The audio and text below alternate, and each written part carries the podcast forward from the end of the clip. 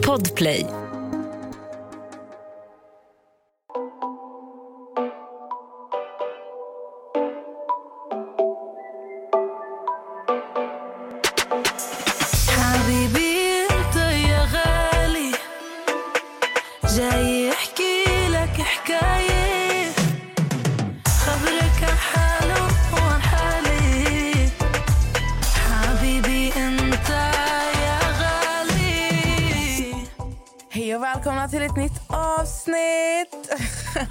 Idag så skiner solen. ja, Tack gode gud för det. det är typ 20 grader. Det är sommar, det är juni. Det har börjat bra. Fett skönt. Vi mår bra. Ja, jag, jag är bara väldigt hungrig. Jag vet. Men jag är jätte, jättetaggad på det här avsnittet som vi ska spela in idag. Ja, för att senaste avsnittet var ju väldigt, väldigt uppskattat av alla er som lyssnar. Så vi eh, fick en idé att eh, fortsätta prata om andar och andelivet. Så idag är vi inte bara två, utan vi är tre. Vi har med oss, faktiskt via Teams-möte. Vi är jätte-high-tech. Eh, uppkopplad. Eh, eh, någonstans i Stockholm sitter Andreas Österlund som är medium. Välkommen. Tusen tack och jättekul att vara med. Det, är, eh, det ska bli jättespännande. Eh, jag känner till er mellan tummen och pekfingret och eh, det ska bli jättekul eh, för jag är en superlugn kille och jag jobbar ju heltid som medium. Och ni är så här superenergiska, eh, superkreativa, superhärliga. Så det ska bli jätte, jättespännande att liksom se vad, vad, vad vi kan göra tillsammans. Jätteroligt att ha Fett med kul. dig. Vi frågade runt på podden lite tips på medium och vi fick så mycket rekommendationer om just dig, Andreas. Det var roligt. Så jag tänkte bara lite snabbt, kan inte du bara berätta lite kort om dig själv? Du har ju medverkat i eh, Joakim Lundells Spökjakt, bland annat. Ja, precis. Jag, eh, de flesta känner igen mig därifrån. Eh, Spökjakt som gick på Dplay, eller Discovery Plus som det heter numera. Innan det så jobbade jag med Det Okända, eh, långköraren på TV4. Eh, och sen har jag även jobbat med motsvarande program fast i Norge. Och eh, jag har jobbat som medium nu i, ja det är nog tusen femtonde året. Jag började som väldigt ung kille. Jag är 36 idag. Eh, not så ung längre. Men jag var runt 20 när jag bestämde mig för att det här är det jag vill göra. Och sen dess så har det blivit också det jag gör på heltid. Och eh, när jag inte jagar spöken, inte håller i seanser och inte håller i kurser eh, så eh, hänger jag med min familj. Eh, jag har fyra bonusbarn, två döttrar sedan tidigare och ett sjunde på väg som kommer i augusti. Oj! Stor familj. Gud, vad roligt. Stort grattis. Verkligen. Jävlar! Full rulle. Oj! Amelia bara, jag har en styvson. Full rulle. Jag tycker jag har full rulle med en styvson. Gud, vad härligt. Nej, men eh, ska vi köra igång direkt? Vi kör igång direkt. Var, var vi slutade sist så fortsätter vi därifrån. Ja. Ska vi kanske börja med eh, det som vi inledde förra avsnittet med och det var ju just eh, sömnparalyser. ja. Är det någonting du är insatt i? Det skulle jag vilja påstå. Alltså, eh, jag hade min första sömnparalys så var jag nog, kan ha varit 15 bast kanske. Och eh, det var så otroligt stark upplevelse. Jag ligger i min säng och eh, i den här drömvärlden som man ändå befinner sig lite grann så ser jag ut genom mitt balkongfönster. Jag inser att jag är vaken. Och i den här drömmen så har jag liksom då varit jagad av en, en man i hatt. Eh, hög hatt. Eh, och eh, han står där och bara, jag ser honom inte. Ansiktet är helt, helt liksom eh, skymt av mörkret. Men han står utanför på balkongen och jag känner mig så liten, jag kan inte röra mig. Så att eh, jag vill ju naturligtvis ta reda på vad var det jag var med om för någonting. Eh, så att jag eh, har alltid varit väldigt kunskapssökande. Dels ur ett spirituellt perspektiv. Eh, finns det en spirituell förklaring? Finns det också en vetenskaplig förklaring? Så eh, idag så tänker jag så här att en del sömnparalyser är eh, sinnets spratt. Alltså det, det är liksom en, en, en, en psykologisk, ett psykologiskt fenomen på grund av att vi kanske har gått igenom ett trauma eller att vi har varit med om någonting som är jobbigt. Vi, vi har mycket stress exempelvis. Mår inte så bra, psykisk ohälsa och så vidare. Den andra förklaringen det är att när vi sover så blir vi väldigt mottagliga. Och är vi väldigt mottagliga andarna och väsena runt omkring oss, de går ju dit det lyser. Där det är öppet, där dörren är öppen. Så alla sömnparalyser är inte av ska man säga, psykologiskt eh, fenomen utan att det faktiskt är att vi kommer i kontakt med någonting riktigt skrämmande. Det är exakt den teorin som vi Ja. pratar om också. Det är lustigt att du säger just det här med hatten. För att Nessa, Vi pratar mycket om The Hat Man, som han kallas, eller Hattmannen. Eh, Jag har ju inte varit med om, jag har ju inte sett honom. Däremot så vet jag flertal vänner till mig och andra bekanta som har pratat om The Hat Man och eh, även lyssnare nu som alltså de skrev typ att alltså jag fick rysningar för att jag har sett honom när jag var yngre. Så jag tänker att eh, när vi ändå pratar om honom, vill du inte förklara lite om vem han är och varför är det så att bara vissa ser honom och inte alla andra som får sin paralys? Det är ju, jag får också mycket DMs om eh, The Hatman och många som är rädda att de är i kontakt med, med just honom. Problemet som finns, innan jag pratar lite om Hatman, det är ju att, att Hatman har blivit någonting som också eh, just nu har blivit lite viralt. En urban legend. Vilket gör att, att när...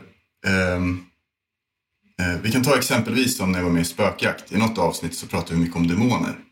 Och då så hade jag typ 3000 DMs. Det var så här. Hej, jag gick in i mitt rum. Jag är 12 år gammal. Och sen så eh, hände en grej i mitt rum. Har jag en demon med mig? Det är så här, nej, det betyder inte att du har en demon med dig för att det hände någonting en gång. Utan det kan ju vara också att om det var någon från andevärlden som ville, liksom, gamla mormor eller morfar eller någonting som ville göra sig känd, liksom, att, att jag är här. Eh, för att när vi inte ser vad det är för någonting, då så jagar ju fantasin iväg med oss. Men låt säga då som exemplet med The Hatman, att man ser den här eh, skepnaden som har liksom ett väldigt arketypiskt utseende eh, stå och stirra på en. Det är klart att man blir väldigt uppjagad. Men eh, problemet som har blivit nu är att Hatman har fått ett eget litet liv på så sätt att så fort man uppfattar någonting som har en hatt så är det Hatman. Och då tänker jag inte på att jag ska ta ifrån dig din upplevelse utan du har säkert, säkert mött på eh, honom. Eh, och sen finns det en till dimension att en del andar, de tar skepnaden av det vi är rädda för. Så säg att man har suttit på Youtube liksom på, på sin lediga helg och kollat på någon klipp om Hatman. Och så ligger man själv på sitt rum och bara, nej han får inte komma hit. Säg att det finns en vilsen själ, alltså en, en ande som inte har gått in i ljuset.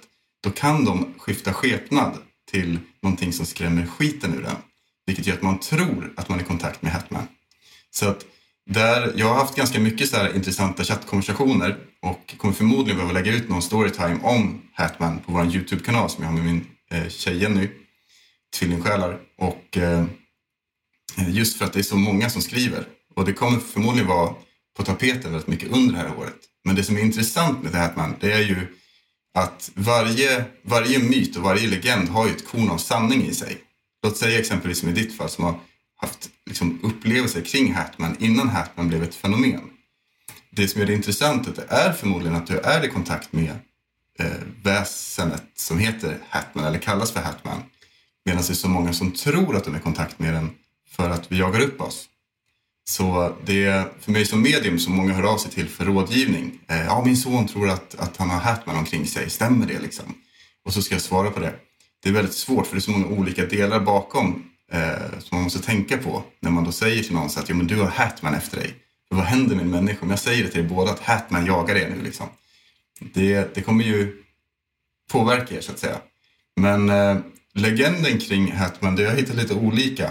Eh, allt ifrån att det är någon gammal indianlegend som liksom fortfarande hemsöker som har fått, fått nytt liv till, till massa olika. Så att, eh, jag har inte riktigt hittat själva kärnhistorien bakom Hatman. Men det har blivit som att, i och med att han har blivit viral, så har det blivit som att det har skapats en historia, en vandringssägen, alltså en urban legend då.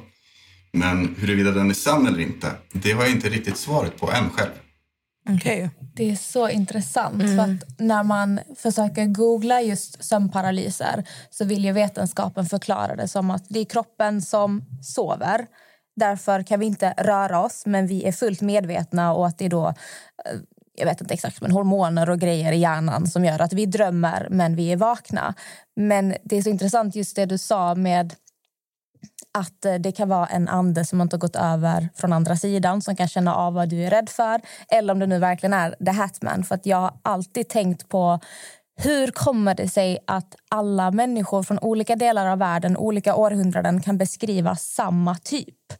Det, det, det är ju helt ologiskt Det är ju det. att, att alla kan beskriva samma typ.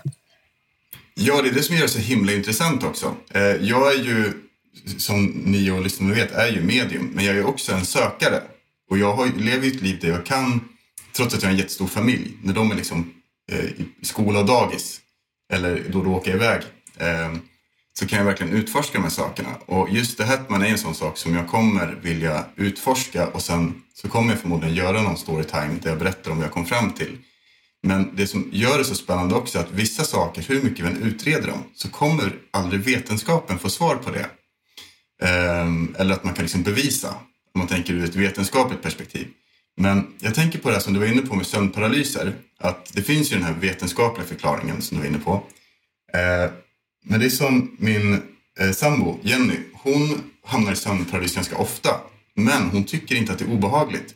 För i hennes sömnparalyser, då kanske hennes mormor dyker upp. Ehm, eller andra nära och kära som hon har omkring sig. Och då berättar de saker för henne som hon omöjligen skulle kunna veta ska hända. Så berättade hon för mig dagen efter att jag hade en, hon kallar det för astral katalepsi istället för sömnparalys. Men då, då kan hon berätta så att men mormor kom igenom och berättade att, att eh, snart kommer det här att hända. Så berättar hon det för mig och sin omgivning. Och sen händer exakt den saken. Så då kan ju vi i hennes omgivning liksom förstå att hon var med om ett, ett magiskt möte med sin mormor och inte att det fanns en vetenskaplig förklaring. Så att, eh, eh, men har ni haft sömnparalys någon gång? Jag Ja. har aldrig haft det. Jag har haft det en gång. En gång i hela mitt liv. Men det är så intressant det du sa just med att möta sin mormor. Jag berättade om det i eh, förra podden, eh, eller poddavsnittet menar jag då.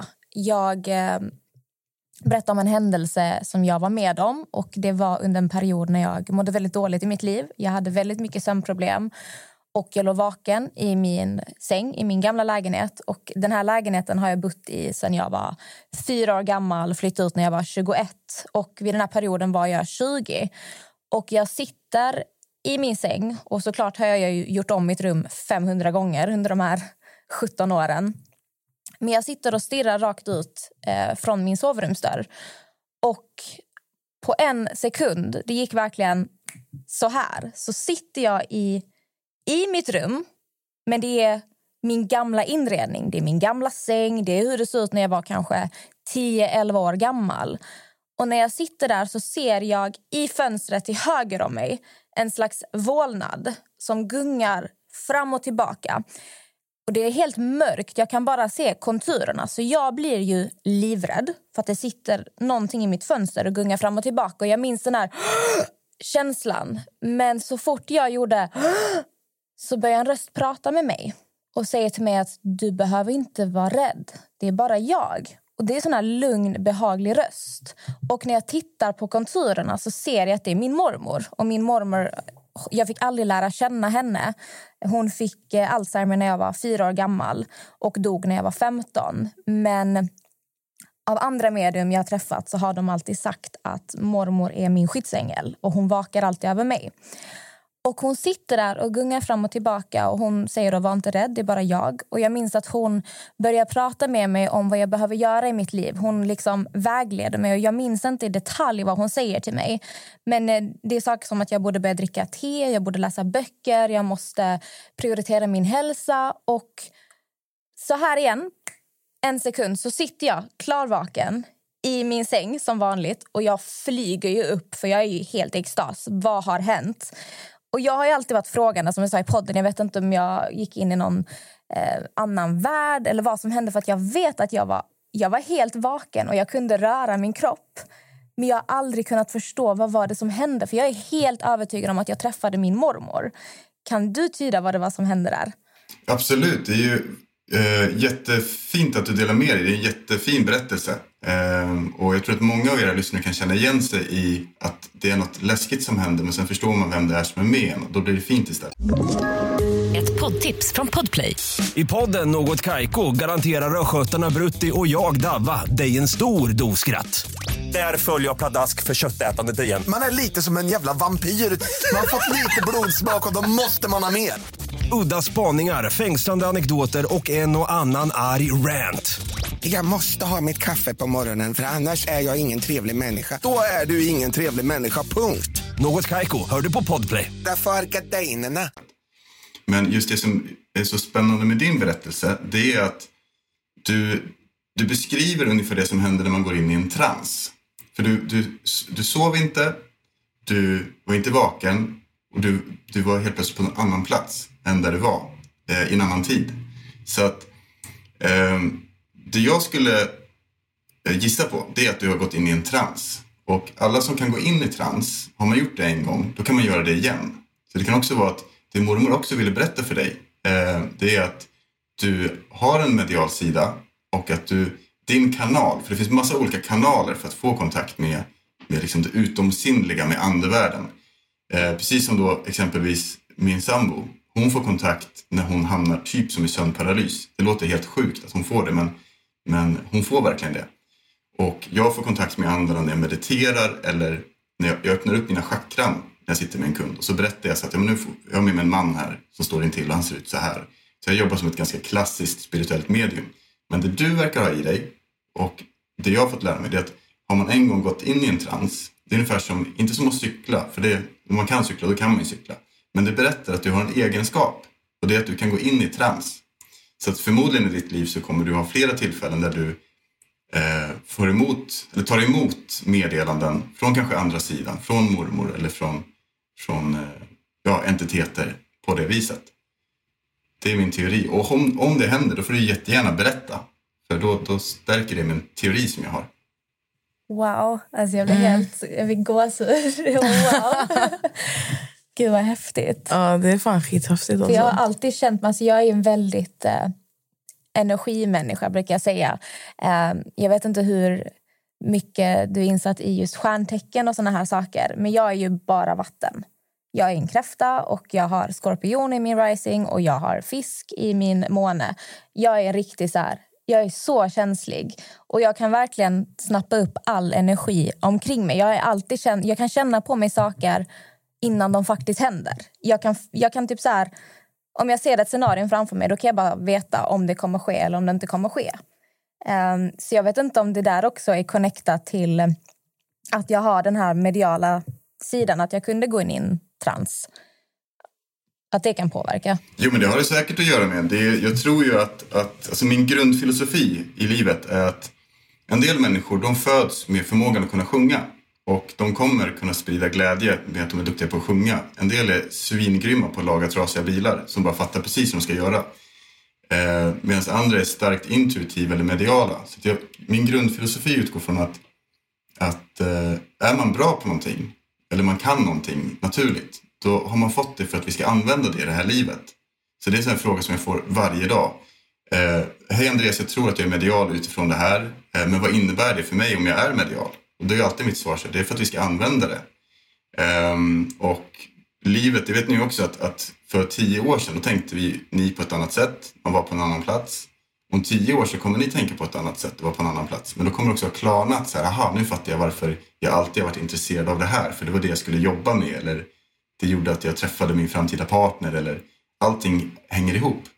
Så att, ehm, men det finns ju klart, ska man säga, ur eh, alltså, astrologi och stjärntecken och sånt där, så finns det olika egenskaper som beskriver eh, alltså att vissa stjärntecken hittar man ofta i, i olika sammanhang i det andliga. Jag har ju tänkt mycket så här, för jag är ju religiös inom, inom alltså kristendomen.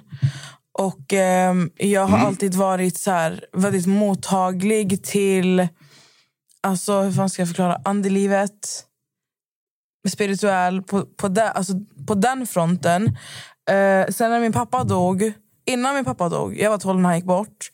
Alltså innan han gick bort så var jag bara rädd för allting. Alltså jag var rädd för precis allt. Men jag var ju yngre också. Men även efter hans bortgång, alltså typ några år efter. Jag var rädd för mörkret. Jag var rädd för att gå ensam. Alltså jag kände alltid att jag, jag var iakttagen från alla håll och kanter. Men med tiden så började jag praktisera min religion mer. För att jag kände att jag behövde hitta en, alltså för mig nu då, en stabil grund. Um, så efter jag började praktisera min religion och komma närmare Gud så blev jag också mer mottaglig för det spirituella, alltså andelivet. Så att efter det så har jag... Alltså jag har alltid drömmar om döda människor. Inte alltid, men mycket. Alltså i vissa perioder i mitt liv så är det varje natt att jag drömmer om... Och Det behöver inte ens vara människor i min närhet som har gått bort. Alltså det här kan vara att jag har läst i tidningen någonstans att någon har gått bort. Jag drömmer om den personen. Och alla säger alltid någonting till mig i drömmarna. Och de har alltid, alltid vita kläder på sig. Jag vet inte vad... Jag vet inte vad det Det betyder. var fint ändå. Det är Nej, skitfint. men det är. Och jag, är inte, alltså, jag känner mig liksom inte rädd. Och jag vet inte vad det är med mig. Men jag, alltså, det enda jag känner det är bara goda energier från, från det, alltså det andliga jag känner. Jag känner aldrig att det är något ont runt mig. När jag känner alltså, såna. Jag blir liksom inte rädd. Utan jag är så här, alltså, jag kan ibland när jag sitter så och bara känner att jag är iakttagen. Jag kan säga, men visa dig på något sätt.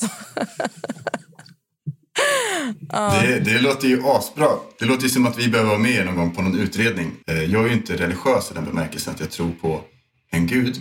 Men alla mina kompisar som är kristna eller muslimer. eh, Jag tycker det är superintressant att höra liksom hur, de, hur de upplever saker och hur de förklarar saker. Så att för mig så är det, eh, jag blir alldeles varm när jag hör er prata om liksom hur nyfikna ni är och vad ni har upplevt och era egna tankar. Jag tänker på att de visar sig vitt för dig i dina drömmar. Vitt är liksom en gudomlig färg. Att man visar att man, man, de är i ljuset på något vis. Och det är därför du inte heller känner att det är obehagligt. Och att du någonstans behöver vänja dig vid det. Men ta, din kanal låter ju onekligen som att det är... Jag har ju pratat om det här med kanaler, hur vi liksom får till oss saker på olika sätt. Ehm, det kan ju vara att man är väldigt stark intuitiv. Har man stark intuition, då känner man på sig vad som ska hända. Ehm, ehm, och vad olika saker leder till. Och du verkar ju ha i drömmarna just, att när du drömmer så då är du så öppen och mottaglig så att har du läst om någon som är försvunnen som sen hittas avliden, eh, supertragiskt, då kanske den personen känner av, eller den själen känner av att här är det öppet. Här kan jag titta till liksom. Så att, men eh, du är inte rädd för att det ska hända något otäckt när du ligger och drömmer? Nej. Alltså jag är ganska säker på att det, det, har all, det har hänt en gång, men det var ju innan jag hittade den här tryggheten. Det var ju då när jag hade bland annat sömnparalys och jag hade alltid som barn hade jag alltid mardrömmar. Eh, och jag kunde drömma mycket om djävulen. Så att jag, eh, jag var i skräck varje gång jag skulle sova. Men efter jag eh, alltså praktiserade min religion och hittade den här tryggheten i alltså, att vara mottaglig med andelivet så har jag aldrig varit orolig någon gång alltså, för att bara lägga mig och sova. Men däremot så har jag ju också... Jag förstår. Alltså det är inte, i, drömmar så är det ju så de talar till mig. Men sen har jag också alltså i, i det vakna livet så har jag också... Jag känner ju av energier, precis som Amelia förklarade innan. Det är precis som alltså, allt du förklarar att man kan känna av vad som kan hända i situationer. Men jag är också... Alltså någonting som kan påverka mig väldigt mycket det är om om jag har tagit in någon med dåliga energier alltså, som kanske har en, en, vad säger man, en ond ande vid sin sida och som kommer hem till mig alltså, då, har jag en hel, alltså, då har jag en dålig vecka. Då, alltså, mitt liv bara rasar.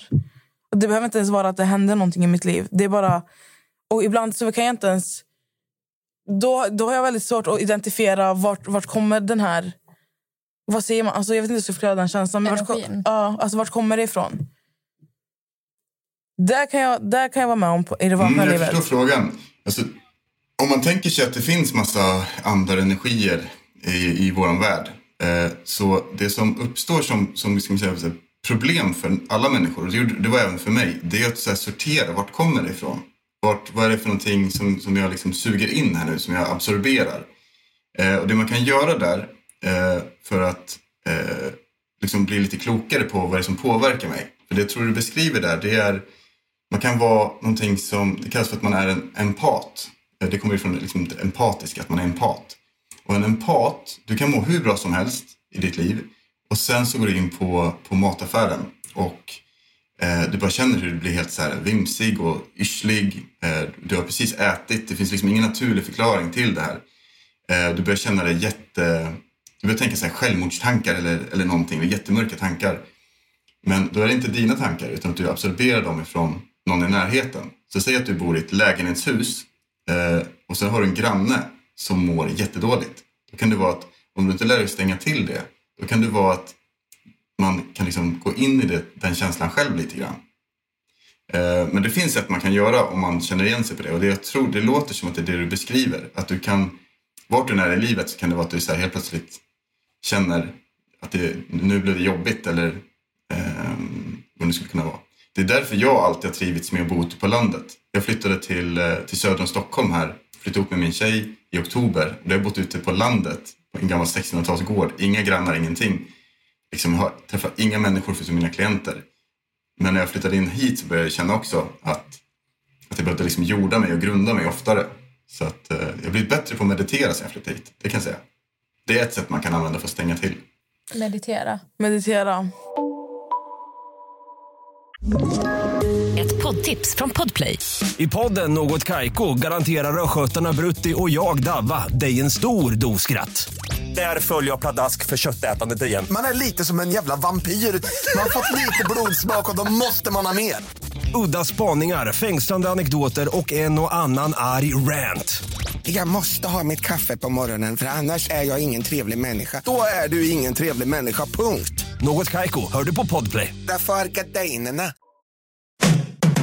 När jag besökte ett medium. Jag har besökt eh, två medium. Eh, en heter Benny. Du kanske, han är från Malmö. Jag vet att han också han har varit på tv. Och han har min mamma gått till eh, sen hon var säkert 20 år gammal. Eh, men jag besökte en kvinna. Sist jag besökte ett medium då var jag 20 och det var i samband med att jag hade träffat min mormor och mådde väldigt dåligt.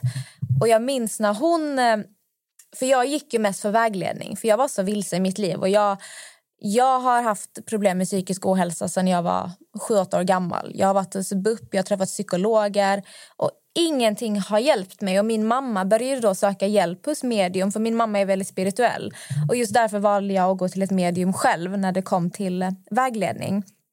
Och Jag minns när hon gjorde sin ska man säga, reading, att hon la inte tarotkort eller så här, utan hon sa till mig att jag kommer bara titta på dig och jag kommer bara prata och skriva samtidigt. Och när hon pratade med mig, du vet eh, när man kan se, alltså när man är blind så har ögonen ett slags, eh, vad ska man säga, det blir som ett filter på ögonen nästan. Ja, som en hinna liksom. Jag, Exakt. Och Jag kan lova att hennes ögon fick den här hinnan på sig. Alltså det var som att hon, det var, det var typ så här fascinerande men det var också jätteläskigt. Eh, läskigt. för att det såg ut som att hon satt och pratade med någon helt annan och var någon helt annanstans. Hon tittade på mig men hon tittade inte på mig. Hon satt och skrev och skrev och bara det ploppade upp namn för henne. Och hon, för hon kände ju bara av min energi och vad hon sa, att röster sa till henne. Och jag tyckte det var så givande på så många sätt. För det handlade inte om att hon bara spådde mig. utan Det var inte så mycket det hon gjorde. utan Hon pratade mer om så här, grävde i eh, mitt inre. För att Jag är en person som kan oftast...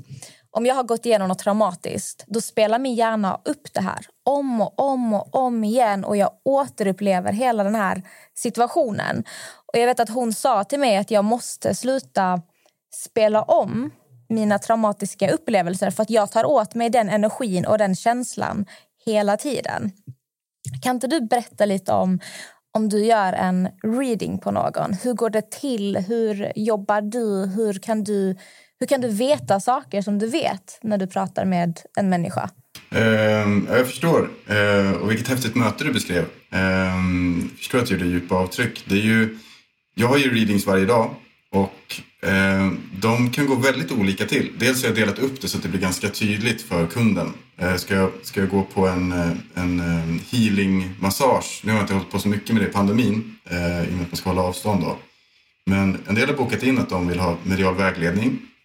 En del bokar in att de vill ha en, en seans exempelvis. När jag jobbar med vägledning då jobbar jag mycket alltså genom att jag, jag tonar in på dig som människa Eh, och så berättar jag vad som kommer. Det här är vad jag känner av kring dig. Ehm, och så försöker jag också använda min erfarenhet som människa. Ehm, det kan ju vara någonting som jag känner igen mig i och berätta att, att jag ser att du har, det här är din energi.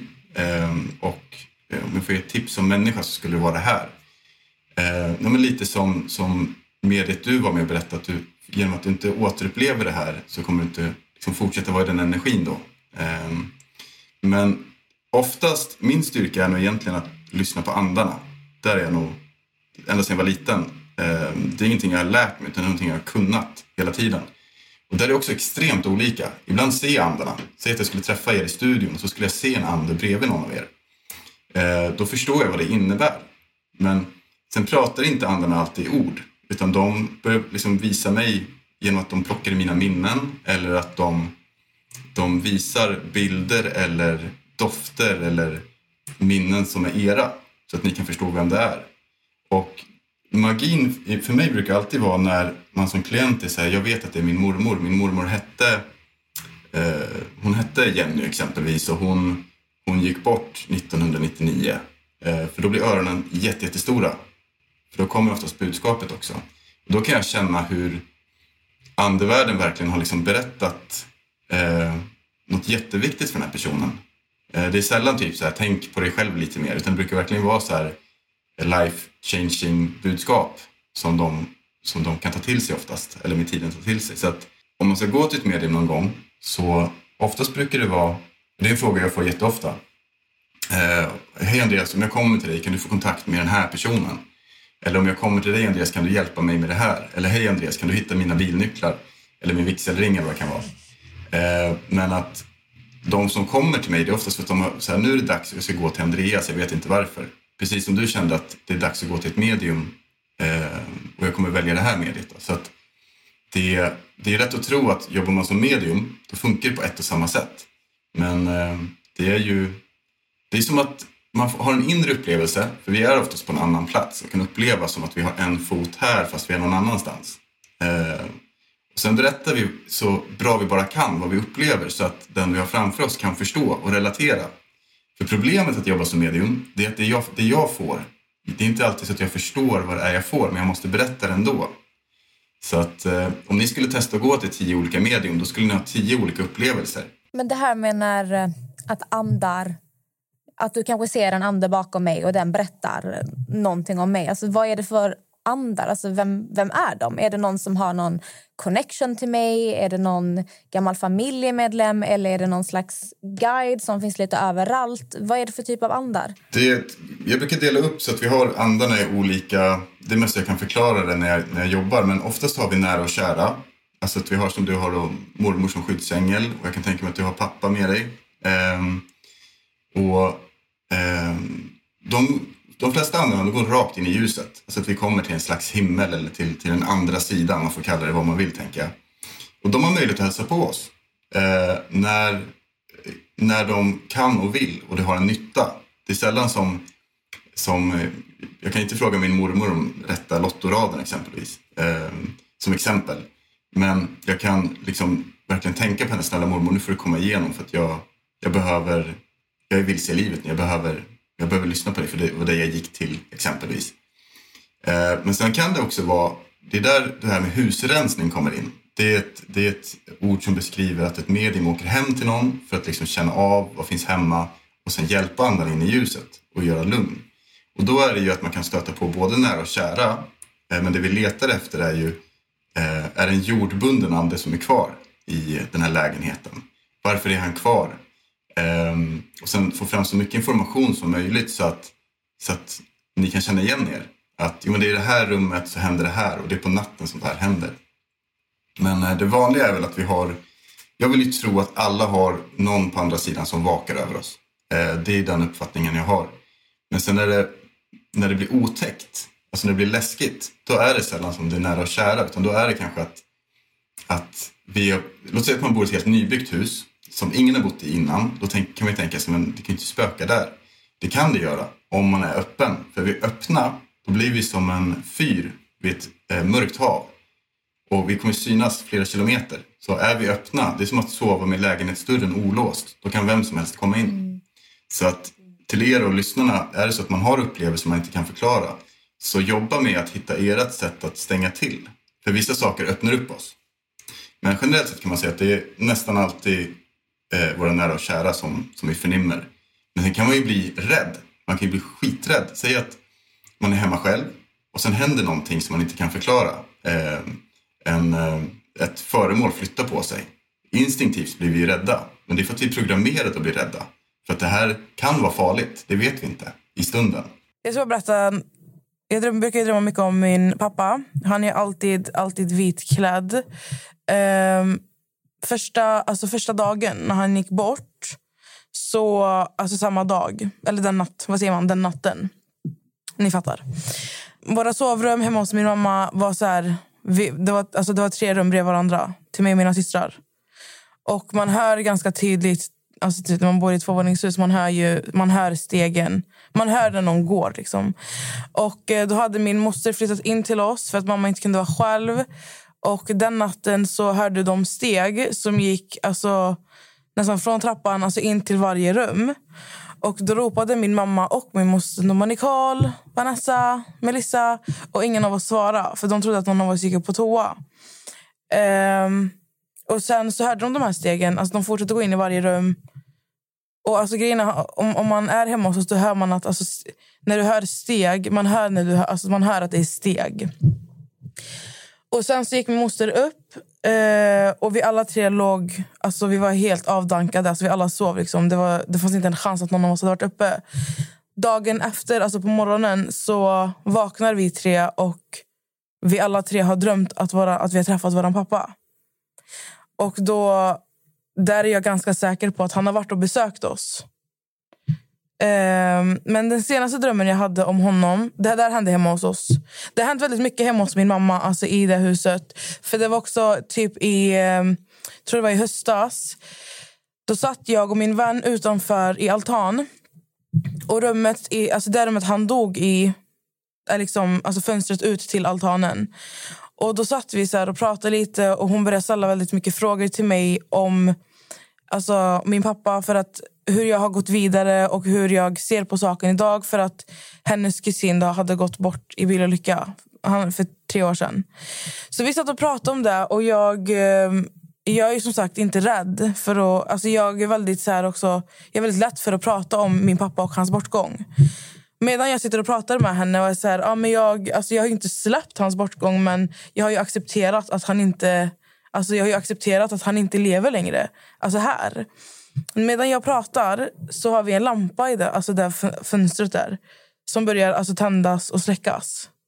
Alltså den börjar den tänds och den släcks. Och det är så här, inte så här snabbt utan det tar några sekunder, alltså typ 30-40 sekunder. Och hon, alltså, jag reagerar inte ens på det. Jag bara satt och fortsatte prata. Och hon alltså, hon höll på att skita ner sig. Hon bara, så sluta prata. Och när jag slutar prata så, slut, så slutar den liksom. Och sen, eh, alltså den höll på så och jag bara, hon bara nej, hon bara, så det är din pappa. Jag bara, jag vet. Alltså jag vet att han, jag vet att han, alltså han är här och han är med oss. Och jag vet att det, alltså det, när, han, när, han, när den här lampan tändes och släcktes så vet jag att han bara ville visa mig att alltså, jag, är här fortfar- alltså jag är fortfarande här.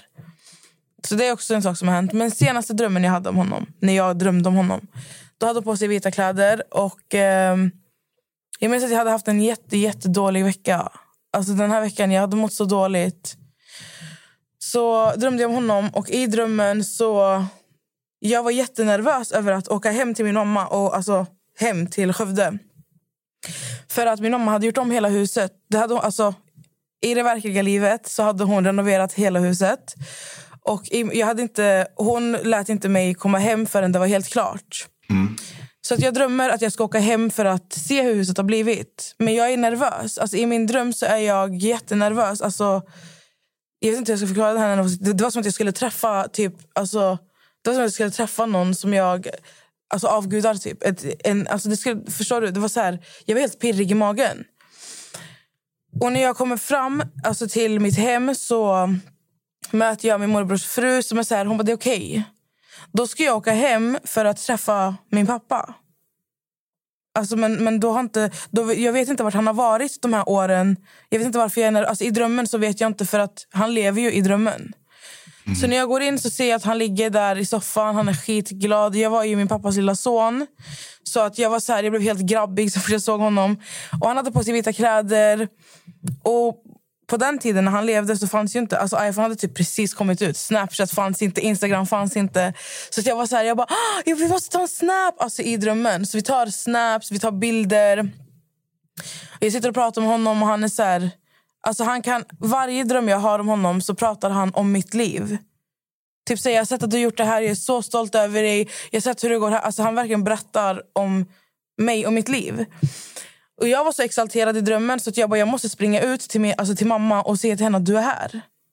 Så när jag springer ut till mamma jag tar med min telefon med bilderna och videorna som jag tagit med honom precis. Och jag bara, alltså jag bara så här, jag är så exalterad. Jag bara, så Baba ligger där inne. Och hon var så här, va? Nej. Eller så här, vad pratar du om? Jag, bara, jag svär, jag bara, han ligger där inne. Kom, du måste se hit. Du vet, så här var jag.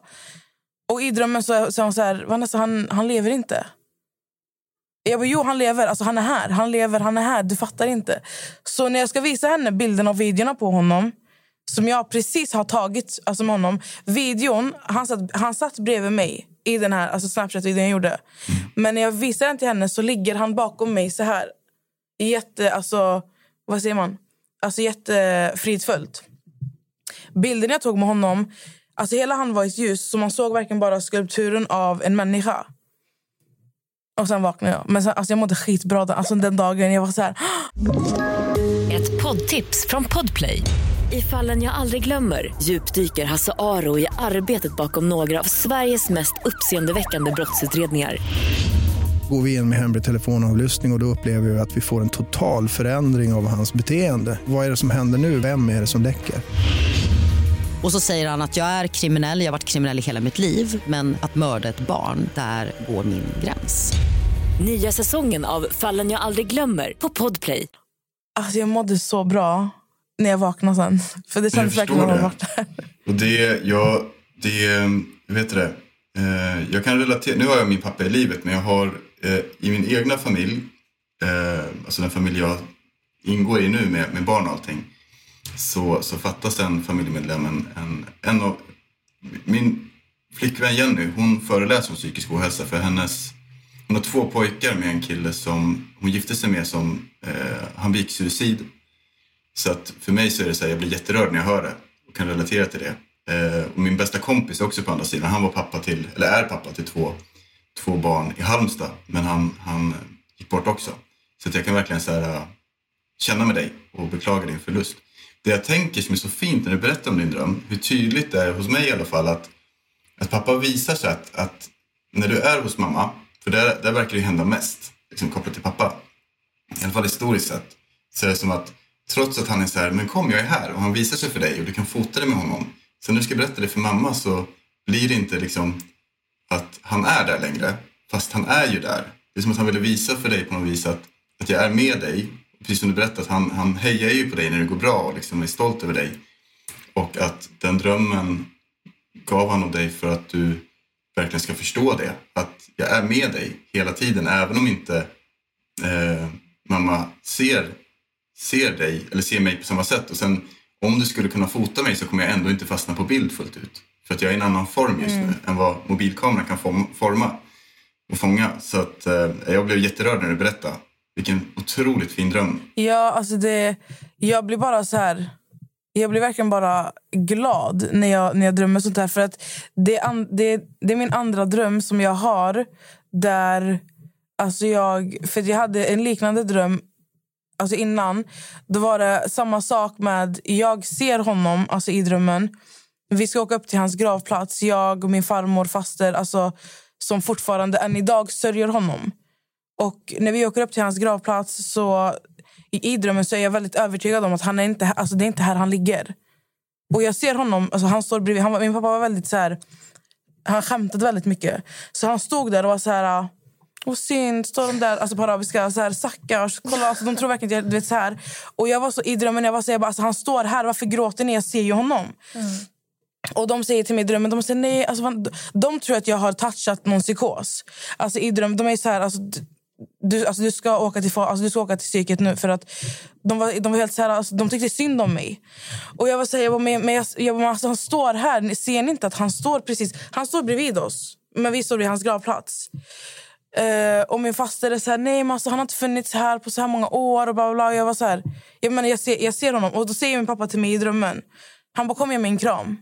Alltså kom och krama mig. Och det, alltså, då är det första gången jag får röra honom i mina drömmar. För annars är det inte så här... Äh, alltså jag har ju rört honom men jag har inte fått krama honom på samma sätt som den här drömmen.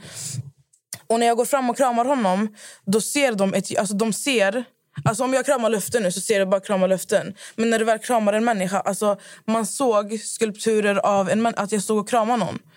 Och det var då de, de fick, alltså de såg honom men de såg inte hans ansikte. Så att det är andra gången genom mig som, som, an, alltså, som andra i min dröm har kunnat se honom. Fattar du? Nej, men jag, jag är helt med. Och det är ju, andevärlden är ju eh, väldigt finurlig och väldigt gränslös när de väl tar kontakt med oss. Och eh, jag tror att du kommer alltid, alltid, alltid ha med din pappa eh, i drömmarna. Och jag tror även resten av din familj också kommer känna av honom. Eh, det, ja, det är ju superstarkt. Då kan man säga att, för du pratade ju innan om att när vi sover så är vi ju mer mottagliga. Att då kan det ju komma, att då ligger vi mer som ett lys. Och jag tänker de som får besök som Nessa beskriver av eh, anhöriga som har gått bort. Kan man då säga att det är de som de är på riktigt och hälsar på oss? Att de ser ett ljus och vill säga här, här är jag, jag mår bra. För att i Nessas fall låter det nästan- som att han ville berätta för dig att men jag ligger inte här i graven, jag är med dig. Är Nej, här. precis. Jag tänkte på det så också. Precis. det.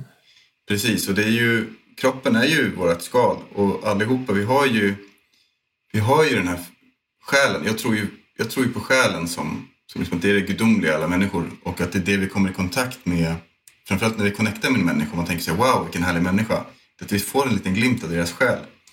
Och jättefin tolkning där just att han är med dig och inte att han ligger inte, han ligger inte i jorden på det viset. Eh, men jag tror att många, många människor, jag tänker på lyssnarna också, att de, man, många de vågar inte riktigt tro på vad de har upplevt alltid. Utan det finns en kultur i Sverige att nej men det är bara vissa utvalda som kan få kontakt. Men jag tror just när vi drömmer och nära och kära kommer och det är så starkt.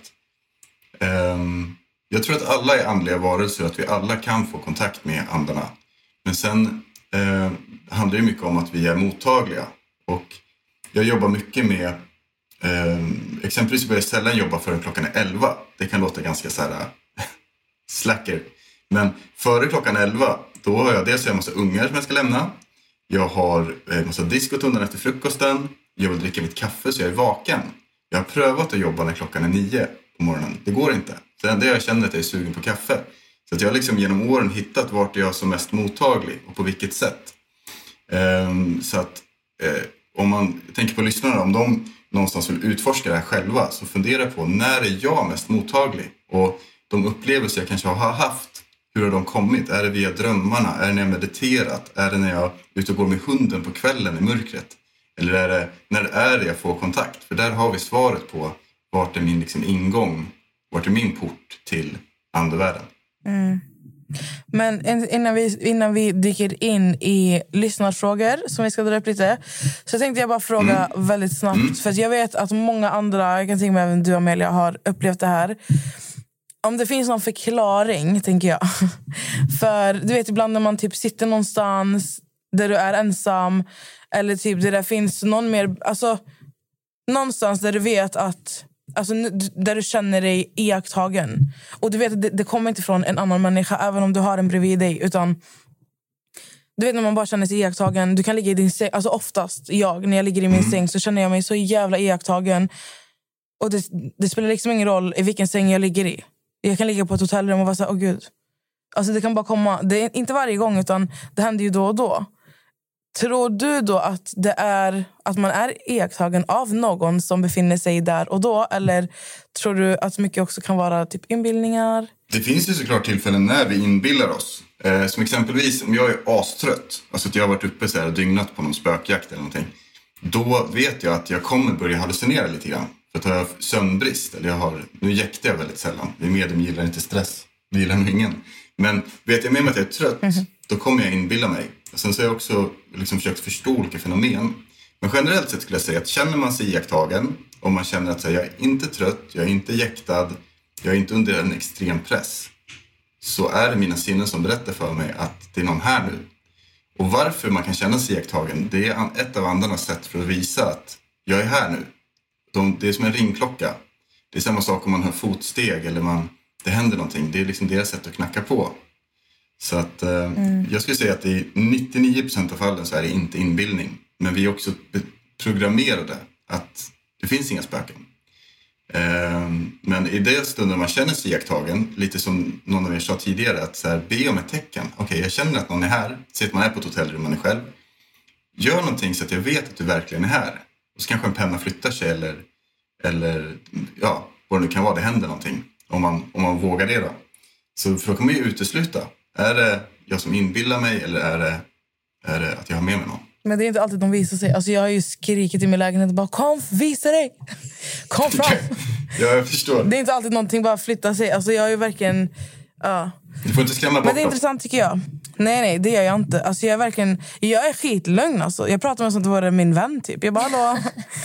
Mm, det är alltså, om, det hade funnits kameror alltså, på- Om det hade funnits kameror i min lägenhet Jag kan bara säga en sak till er alltså, Ni hade haft show for life alltså. Det kan ju bli en asbra grej att köra så här Big Brother i din lägenhet. Det är du och andarna liksom. I vinstpotten ligger en miljon, Ja. den som är kvar sen. Nej, skämt åsido, det är ju det är bra att du är trygg. Och det är, det är, jag tror att har man en upplevelse, eh, det är jättemånga, en grej som jag alltid får det är eh, Hej, eh, min son eller min dotter eller min, min, min syskonbarn, eh, jag tror att de är mediala, de upplever massa saker. Eh, hur, ska jag hur ska jag bemöta det liksom? Och min grundidé är så att man kan aldrig ta ifrån en människa hennes upplevelse.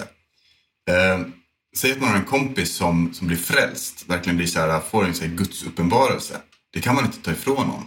Och vi, vi, människor har någon så himla fin grej i att när vi blir övertygade om någonting, typ att man ska starta företag eller starta en podd eller någonting, då gör vi det. Så att vi kan aldrig ta ifrån en upplevelse, utan Säg att man upplever att det känns som att någon tittar på mig titt som tätt eh, och så försöker någon peta i det. Liksom, att nej, men det är, det är psykologiskt, det är därför det känner så. Då kommer den personen bara bli mer eh, liksom, fast i sin åsikt, mer cementerad i sin åsikt att nej, men det är någon här. Så att för mig är det alltid superviktigt att alla människor får ha sin upplevelse i fred. Och en grej som jag kan tänka mig att ni kommer få efter poddavsnittet eller har fått redan, som jag får ibland, det är så här, hur vet man att man inte är knäpp i huvudet? Att man inte är sjuk liksom, som ser saker. Och det är ju så att om man fungerar, man har ett normalfungerande liv och man ser andar, det är inget problem. Det är absolut inget problem. Men däremot om man ser andar och hör ljud och liksom hela ens liv stannar kring det här sen, att man, man funkar inte längre, man kan inte sköta sitt jobb eller gå till skolan eller vad man nu gör för något.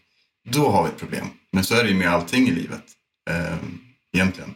Så att, eh, nej man är, man är inte knäpp och det är inte inbildning för att man känner sig iakttagen. Jag har ju tänkt mycket på, på barn. Alltså på att barn oftast kan vara så här att de har sett någonting. För jag minns att min lilla kusin som typ är, vad är hon, typ 15 nu. Men hon var tre år. Och hon var jättenära min pappa. Och vi minns att hon, jag minns att hon bara satt så här, kollade ut genom fönstret och kollade upp i himlen. Och hon bara satt och kollade upp så här. Och vinkade. Och hon höll på så här. Och vi, bara- alltså vi bara, vad håller du på med? Och hon bara, det, alltså hon bara, det är farbror. Hon bara, alltså, han är där. Det är farbror. Och vi var så här, alltså hon är tre år. Man vet inte hur seriöst man ska ta en treåring. Jag har också hört barn som berättar om alltså, folk som har gått bort. Ja. Och sitter och bara, hon sitter här, får, får min mamma sätta sig här? Ja. Och man bara, din mamma lever inte. Men att de pratar som att hon är här. Barn. Nu snackar vi barn. Ska barn sitta och ljuga och hitta Nej, men på det är saker? det. Jag tror att barn är, alltså, barn är så himla öppna. Ehm, och jag har ju verkligen fått studera mina barn jättemycket. Ehm, och de, de vet knappt vad jag jobbar med. Nu vet de det. Ehm, men eh, och jag är fortfarande bara så här tråkig pappa tycker de som tjatar att de ska äta upp sina grönsaker. Men de, barn är så himla direkta. Det vet ni också, de barn ni har omkring er, eller egna barn. Eh, att barn, vi, vi vuxna, vi funderar på det vi upplever. Vi reflekterar på ett annat sätt. Ett barn berättar sin upplevelse. Det är ett monster under sängen. Så tittar vi ner, det är inget monster under sängen. Eh, men låt säga att det är kopplat till, till andevärlden. Då, där är min erfarenhet att har jag varit på en husrensning på ett uppdrag och sen så, jag har aldrig någon förhandsinformation utan jag kommer dit och så berättar jag att ja, i det här rummet så är det, det, är här det händer och det är kopplat till det här. Och den här anden pratar också om ett barn som bor i det huset som, eh, då har det här hänt. Så att då har föräldrarna blivit bekräftade av att jag har kunnat liksom andarna har visat mig vad de har, en incident som har hänt kopplat till barnen. Inte att de har skadat barnen utan att liksom barnen har suttit och typ lekt med andarna. Eh, som barn gör. Ja, det är en gubbe här, jag leker med honom. Han verkar snäll. Eh, utan att föräldrarna har berättat det för mig. Så i det rummet då. Så att jag tror fakt faktiskt att barn, barn är så jäkla kloka.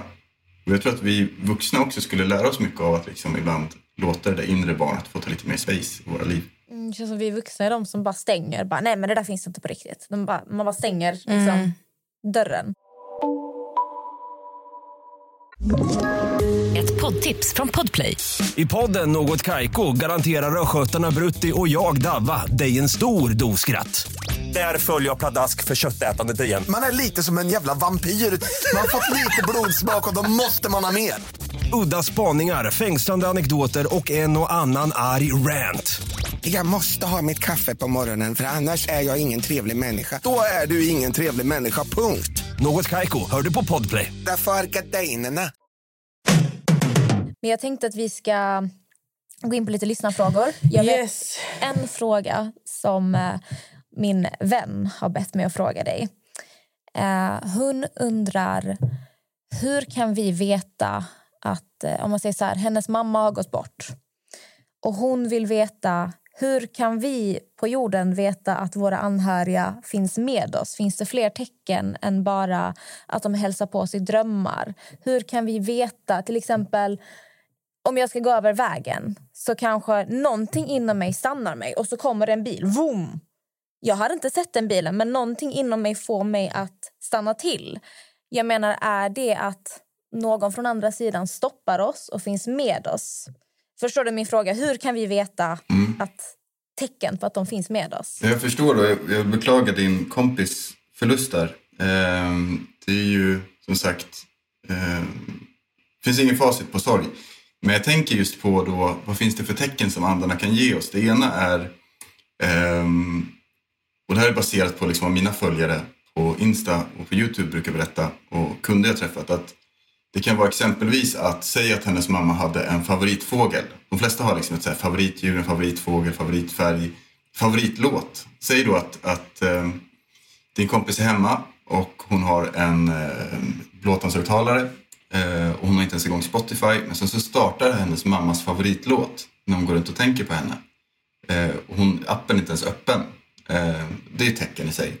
Ett annat tecken kan vara att ehm, man verkligen har gått runt så här och bara snälla mamma kan du inte ge mig tecken att du finns där? Och sen så ehm, i samma stund som man ger upp den tanken, nej vad dum jag känner mig, hon, hon kanske inte hör mig. Då kommer hennes favoritfågel då, om det är en talgoxe eller vad det skulle kunna vara, och sätter sig på fönsterblecket. Det skulle också kunna vara att um, uh, ett av de starkaste tecken som, som jag varit med om, det var en kompis som fick ett samtal. Då var det hans farfar som ringde. Uh, och han bara, hej farfar, jo men det är bra, bla bla bla. Och jag hörde ju att det var någon andra änden. Och vi är på väg hem, hem till honom. Och sen så eh, kommer hans mamma ut och berättar att eh, du, eh, du behöver vara hemma idag för farfar dog precis. Så då fick han liksom direkt ett bevis att farfar är med mig. Ehm, så att eh, det var ju gåshud på den. Så att andarna de, de kan komma igenom på säkert tusen olika sätt. Eh, som inte är kopplat till att vi drömmer om dem eller att vi måste gå till ett medium. Så till din kompis där så jag hoppas ju såklart att hon får personliga bevis för som hjälper henne i hennes sorg och saknad av att, att mamma faktiskt är omkring mig. Jag har en väldigt intressant fråga här från en tjej som ska säga så jag läser allting i ordning. Hon undrar hur ser det ut på andra sidan? Min pappa gick precis bort och jag träffade ett medium igår och vi fick kontakt med min pappa och han sa så här. Jag har inte riktigt lärt mig hur det funkar här och det är jävla många olika hissar. Det är typiskt något som min pappa skulle säga. Så min fråga är, har han någon gång fått det beskrivet hur det ser ut på andra sidan? Tänker eftersom min pappa förklarade som att det var olika hissar. Mm, jag förstår. Eh, dels kan det vara att han sa så för att hon skulle förstå att det verkligen var han. Eh, alltså sättet att prata på och sådär. Men eh, min, min tanke kring den andra sidan, det är, det är, det är min personliga sanning. Så det, det är inte att man behöver ta det som liksom sanningen med stort S, utan snarare att eh, min samlade uppfattning är att, att andra sidan ser ut som eh, när, vi, när vi kommer dit direkt så är det som att vi kommer till våran, våran, den där drömplatsen vi hade i livet. Kanske sommarstugan eller, eller det där landskapet vi älskade så mycket eller en, en strand i Thailand eller vad det kan vara. Så jag tror att vi har någon så här akklimatiseringstid när vi ska vänja oss med att vi är okroppsliga på något sätt. Min mentor som har lärt mig väldigt mycket, hon tror att vi när vi är i det stadiet att vi då kan liksom säga nu är jag sugen på en, en Big Mac Company. Då dyker det upp en Big Mac Company som en slags så här himmelsparodi typ. Men eh, jag har varit och vänt vid andra sidan. Eh, jag var ung och dum. Vi hade köpt en, eh, en dunk från en främling. Det var inte bara hembränt i den dunken. Så att jag svävade mellan liv och död ett tag. Och i det tillståndet så minns jag hur min gammelfarmor kommer ut. Hon blev 100 år, 100 och ett halvt. Och eh, eh, vi står vid en vacker, vackert skogsbryn på en äng.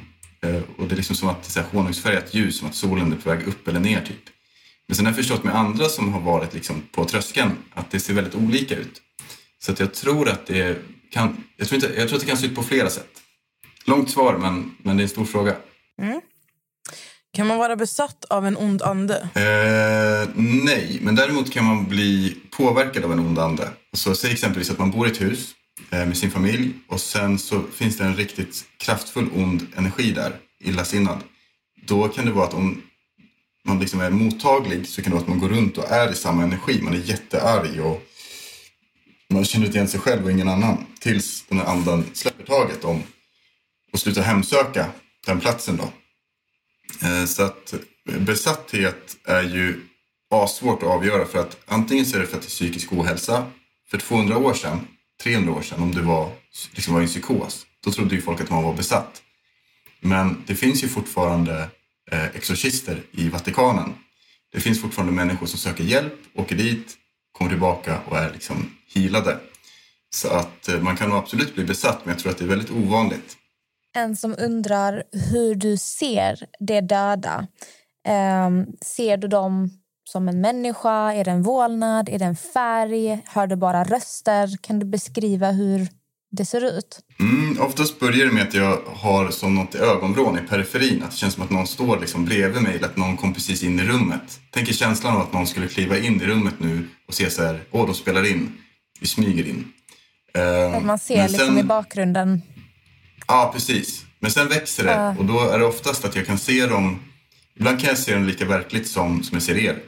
Andra gånger så kan det vara att jag förnimmer dem liksom inombords. Så att jag ser, ser det som att jag dagdrömmer nästan. Och så kan jag beskriva hur de ser ut och eh, har jag tur för deras namn. Då blir det väldigt liksom, klart över vem man pratar med.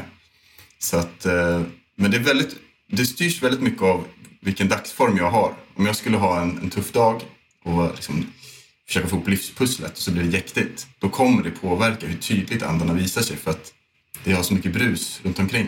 Hur ska man göra om man är livrädd för det övernaturliga men ändå är mottaglig? Då ska man lära sig hur man kan eh, köra liksom on-off. Vart har jag min off-knapp? Hur kan jag stänga ner det här? Och hur kan jag öppna upp det här?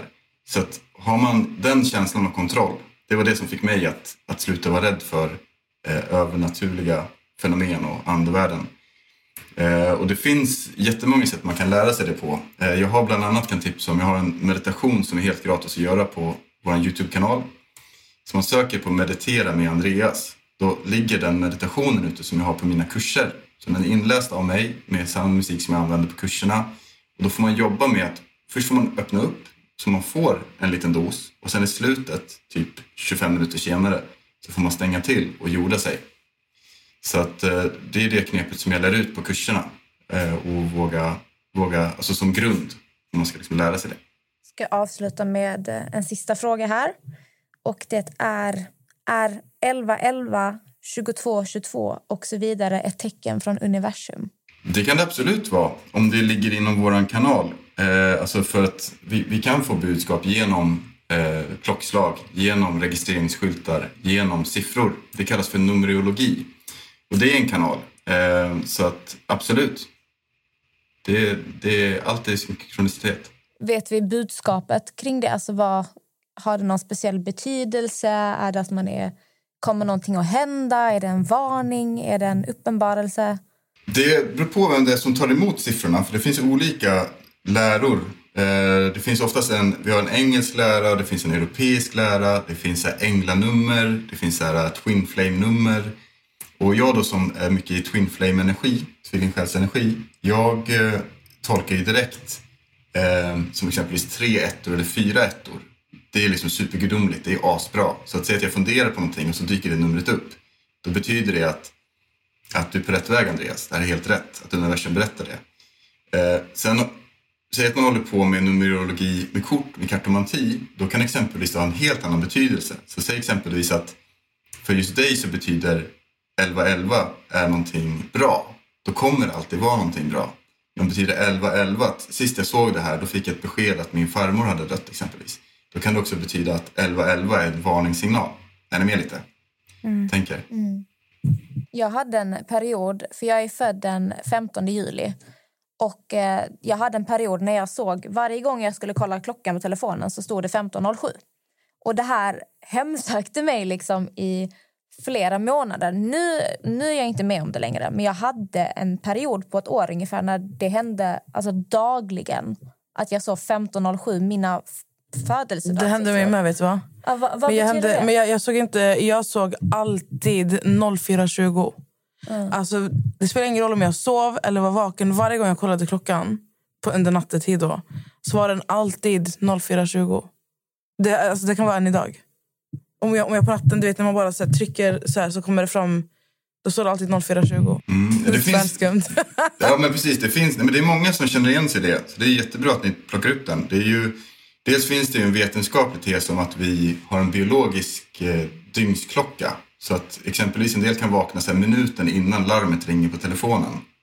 Eh, exempelvis. Mm. Men med en spirituell förklaring så är det, eh, du brukar alltid fundera så här, på vilken plats sker det här? Är det hemma? Eller är det, är det bara på lantstället? Eller är det bara när man är hemma hos mamma eller vad det kan vara? Eh, för att om det är ett budskap så kan det vara, låt säga är det en plats som är hemsökt. Okej, då är det kanske kopplat till någon som går igen här fortfarande, som vill berätta när de gick bort. Så att om jag någon gång liksom frågar hyresvärden att vet du om någon har dött i lägenheten? Ja, det minns jag mycket väl. Det var, det var en, en kille som dog 04.20 exempelvis. Och då, är man så här, då fattar man ju liksom. Eh, så att man behöver alltid fundera lite grann på vad det betyder. Och oftast hittar man svaret. Men så att det finns liksom inget ett enda svar så egentligen. Det låter som en politiker. Så här, säger ja och nej i samma mening. Men... Man får själv gräva i Mm. det. Men innan vi avslutar här, Mm. Andreas, så vill jag bara fråga om du... Kan du så här, på något sätt kunna... Vad säger man? Spå, inte spå min framtid, men så här, Snappa upp vår energi snappa upp. Här genom Mm. Teams. Jo, men det, ibland så får jag ju olika bilder och sådär. Eh, och det, är, ju- det uppstår oftast när jag sitter och lyssnar på några. Det kan ju vara på distans som nu. För vi är ju inte i samma liksom, studio. Eh, det kan också vara att vi sitter i samma rum. Eh, just nu så har jag inte några jättemycket känningar. Eh, och det är inte för att det inte finns någonting att berätta om er. Utan det är snarare att jag har jobbat medialt hela förmiddagen, eftermiddagen. Så att då brukar jag uppleva att jag kan bli lite så här. Jag tappar, inte lusten att säga någonting. Utan snarare att jag tappar, inte förmågan heller. Utan det är som att det liksom tonas ner lite grann. Men eh, vi får eh, se om våra vägar korsas någon gång. Så kanske jag spår eller kör en reading med er i podden eller på någon annat format någon gång. Det här Det är bara att så säga till i sådana fall. För det är ju, jag jobb, mitt bästa tips till alla som vill utforska det här och även er, det är ju så att när vi ska göra det här, det är precis som nu ska ut och typ, dra till gymmet. Vi laddar på med lite, lite mat innan, smälter den. Vi har så här sköna skor, vi har, alltså, vi har med vattenflaskan, vi har med gymväskan. Eh, vi kanske tränar tillsammans med någon och tränar tillsammans med den här personen, då går det alltid så himla bra. Det är samma med det andliga och det mediala. Att, att eh, liksom är man verkligen så här i sin kraft, då kan det komma igenom jättehäftiga grejer som verkligen är till nytta. Och är man lite så här vimsig, eh, halvtrött, då, då blir det också samma resultat. Då. Men eh, det hade varit grymt om jag hade så här, eh, gett er något riktigt nu, men eh, jag vill ju ge något bra i sådana fall. Såklart. Jag har faktiskt hört från medium att innan de får i, tar emot eh, sin vad säger man, klient så sitter de och mediterar om just den här personen för att de ska ha kontakt med andra sidan när de kommer. Att det blir som en slags förberedning. Och det är det du berättar att du oftast behöver göra Ja, precis. dina- Det är samma som när jag spelat in med, med spökjakt eller det okända. Då går jag undan en liten stund, kanske bara i fyra, fem minuter och blundar så här. Och öppnar upp Mm. och liksom ber andarna som är länkade till kanske dig eller dig att komma igenom. Eller att universum ska ge mig då. Låta mig få vara medium och få vara, för medium betyder att man är en kanal. Jag får vara den kanalen eh, just den där stunden.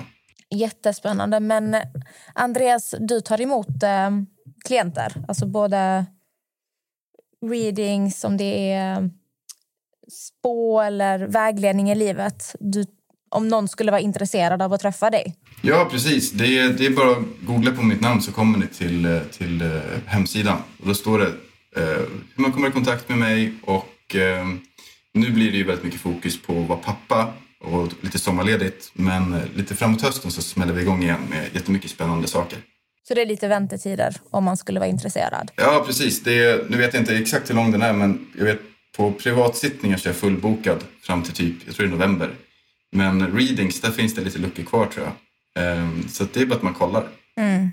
Och jag kan säga att jag, jag personligen rekommenderar verkligen att gå till ett medium om man känner sig vilse i livet. Det behöver inte handla om att folk tänker ofta nu ska jag gå till ett medium, jag ska spå min framtid. Utan när jag har gått till medium då har det mycket handlat om en vägledning i mitt liv.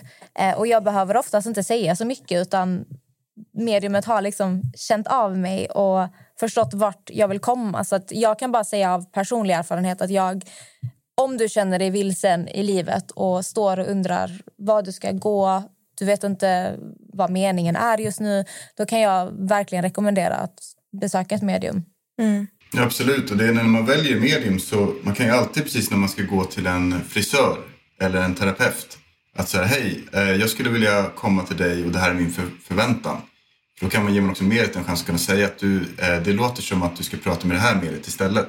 Så de flesta medium har ganska bra koll på vilka som är, är, någon är jättebra på att hitta, hitta förlorade föremål. Någon är jättebra på att spå framtid. En del är bra på alltihopa.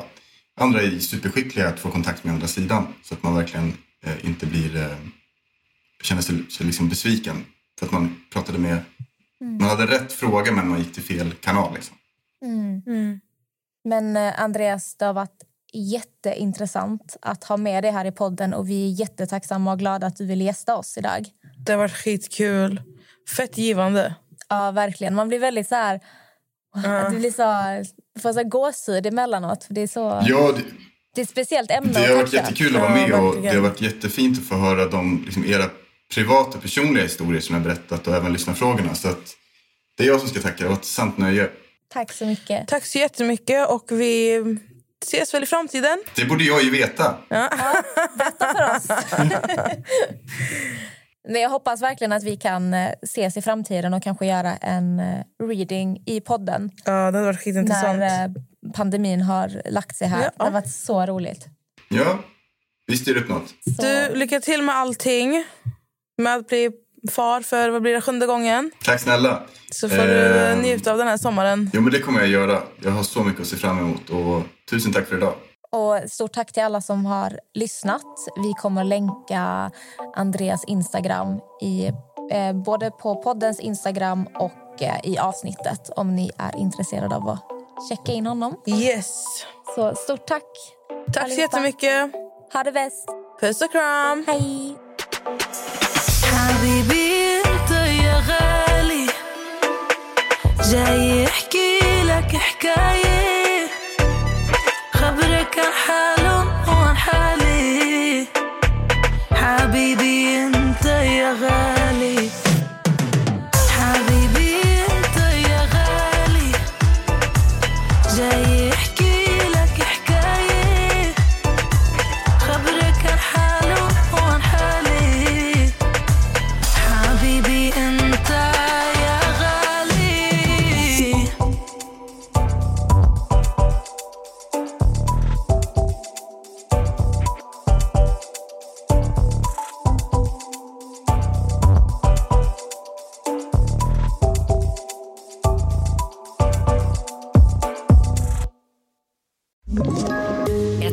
Poddtips från Podplay.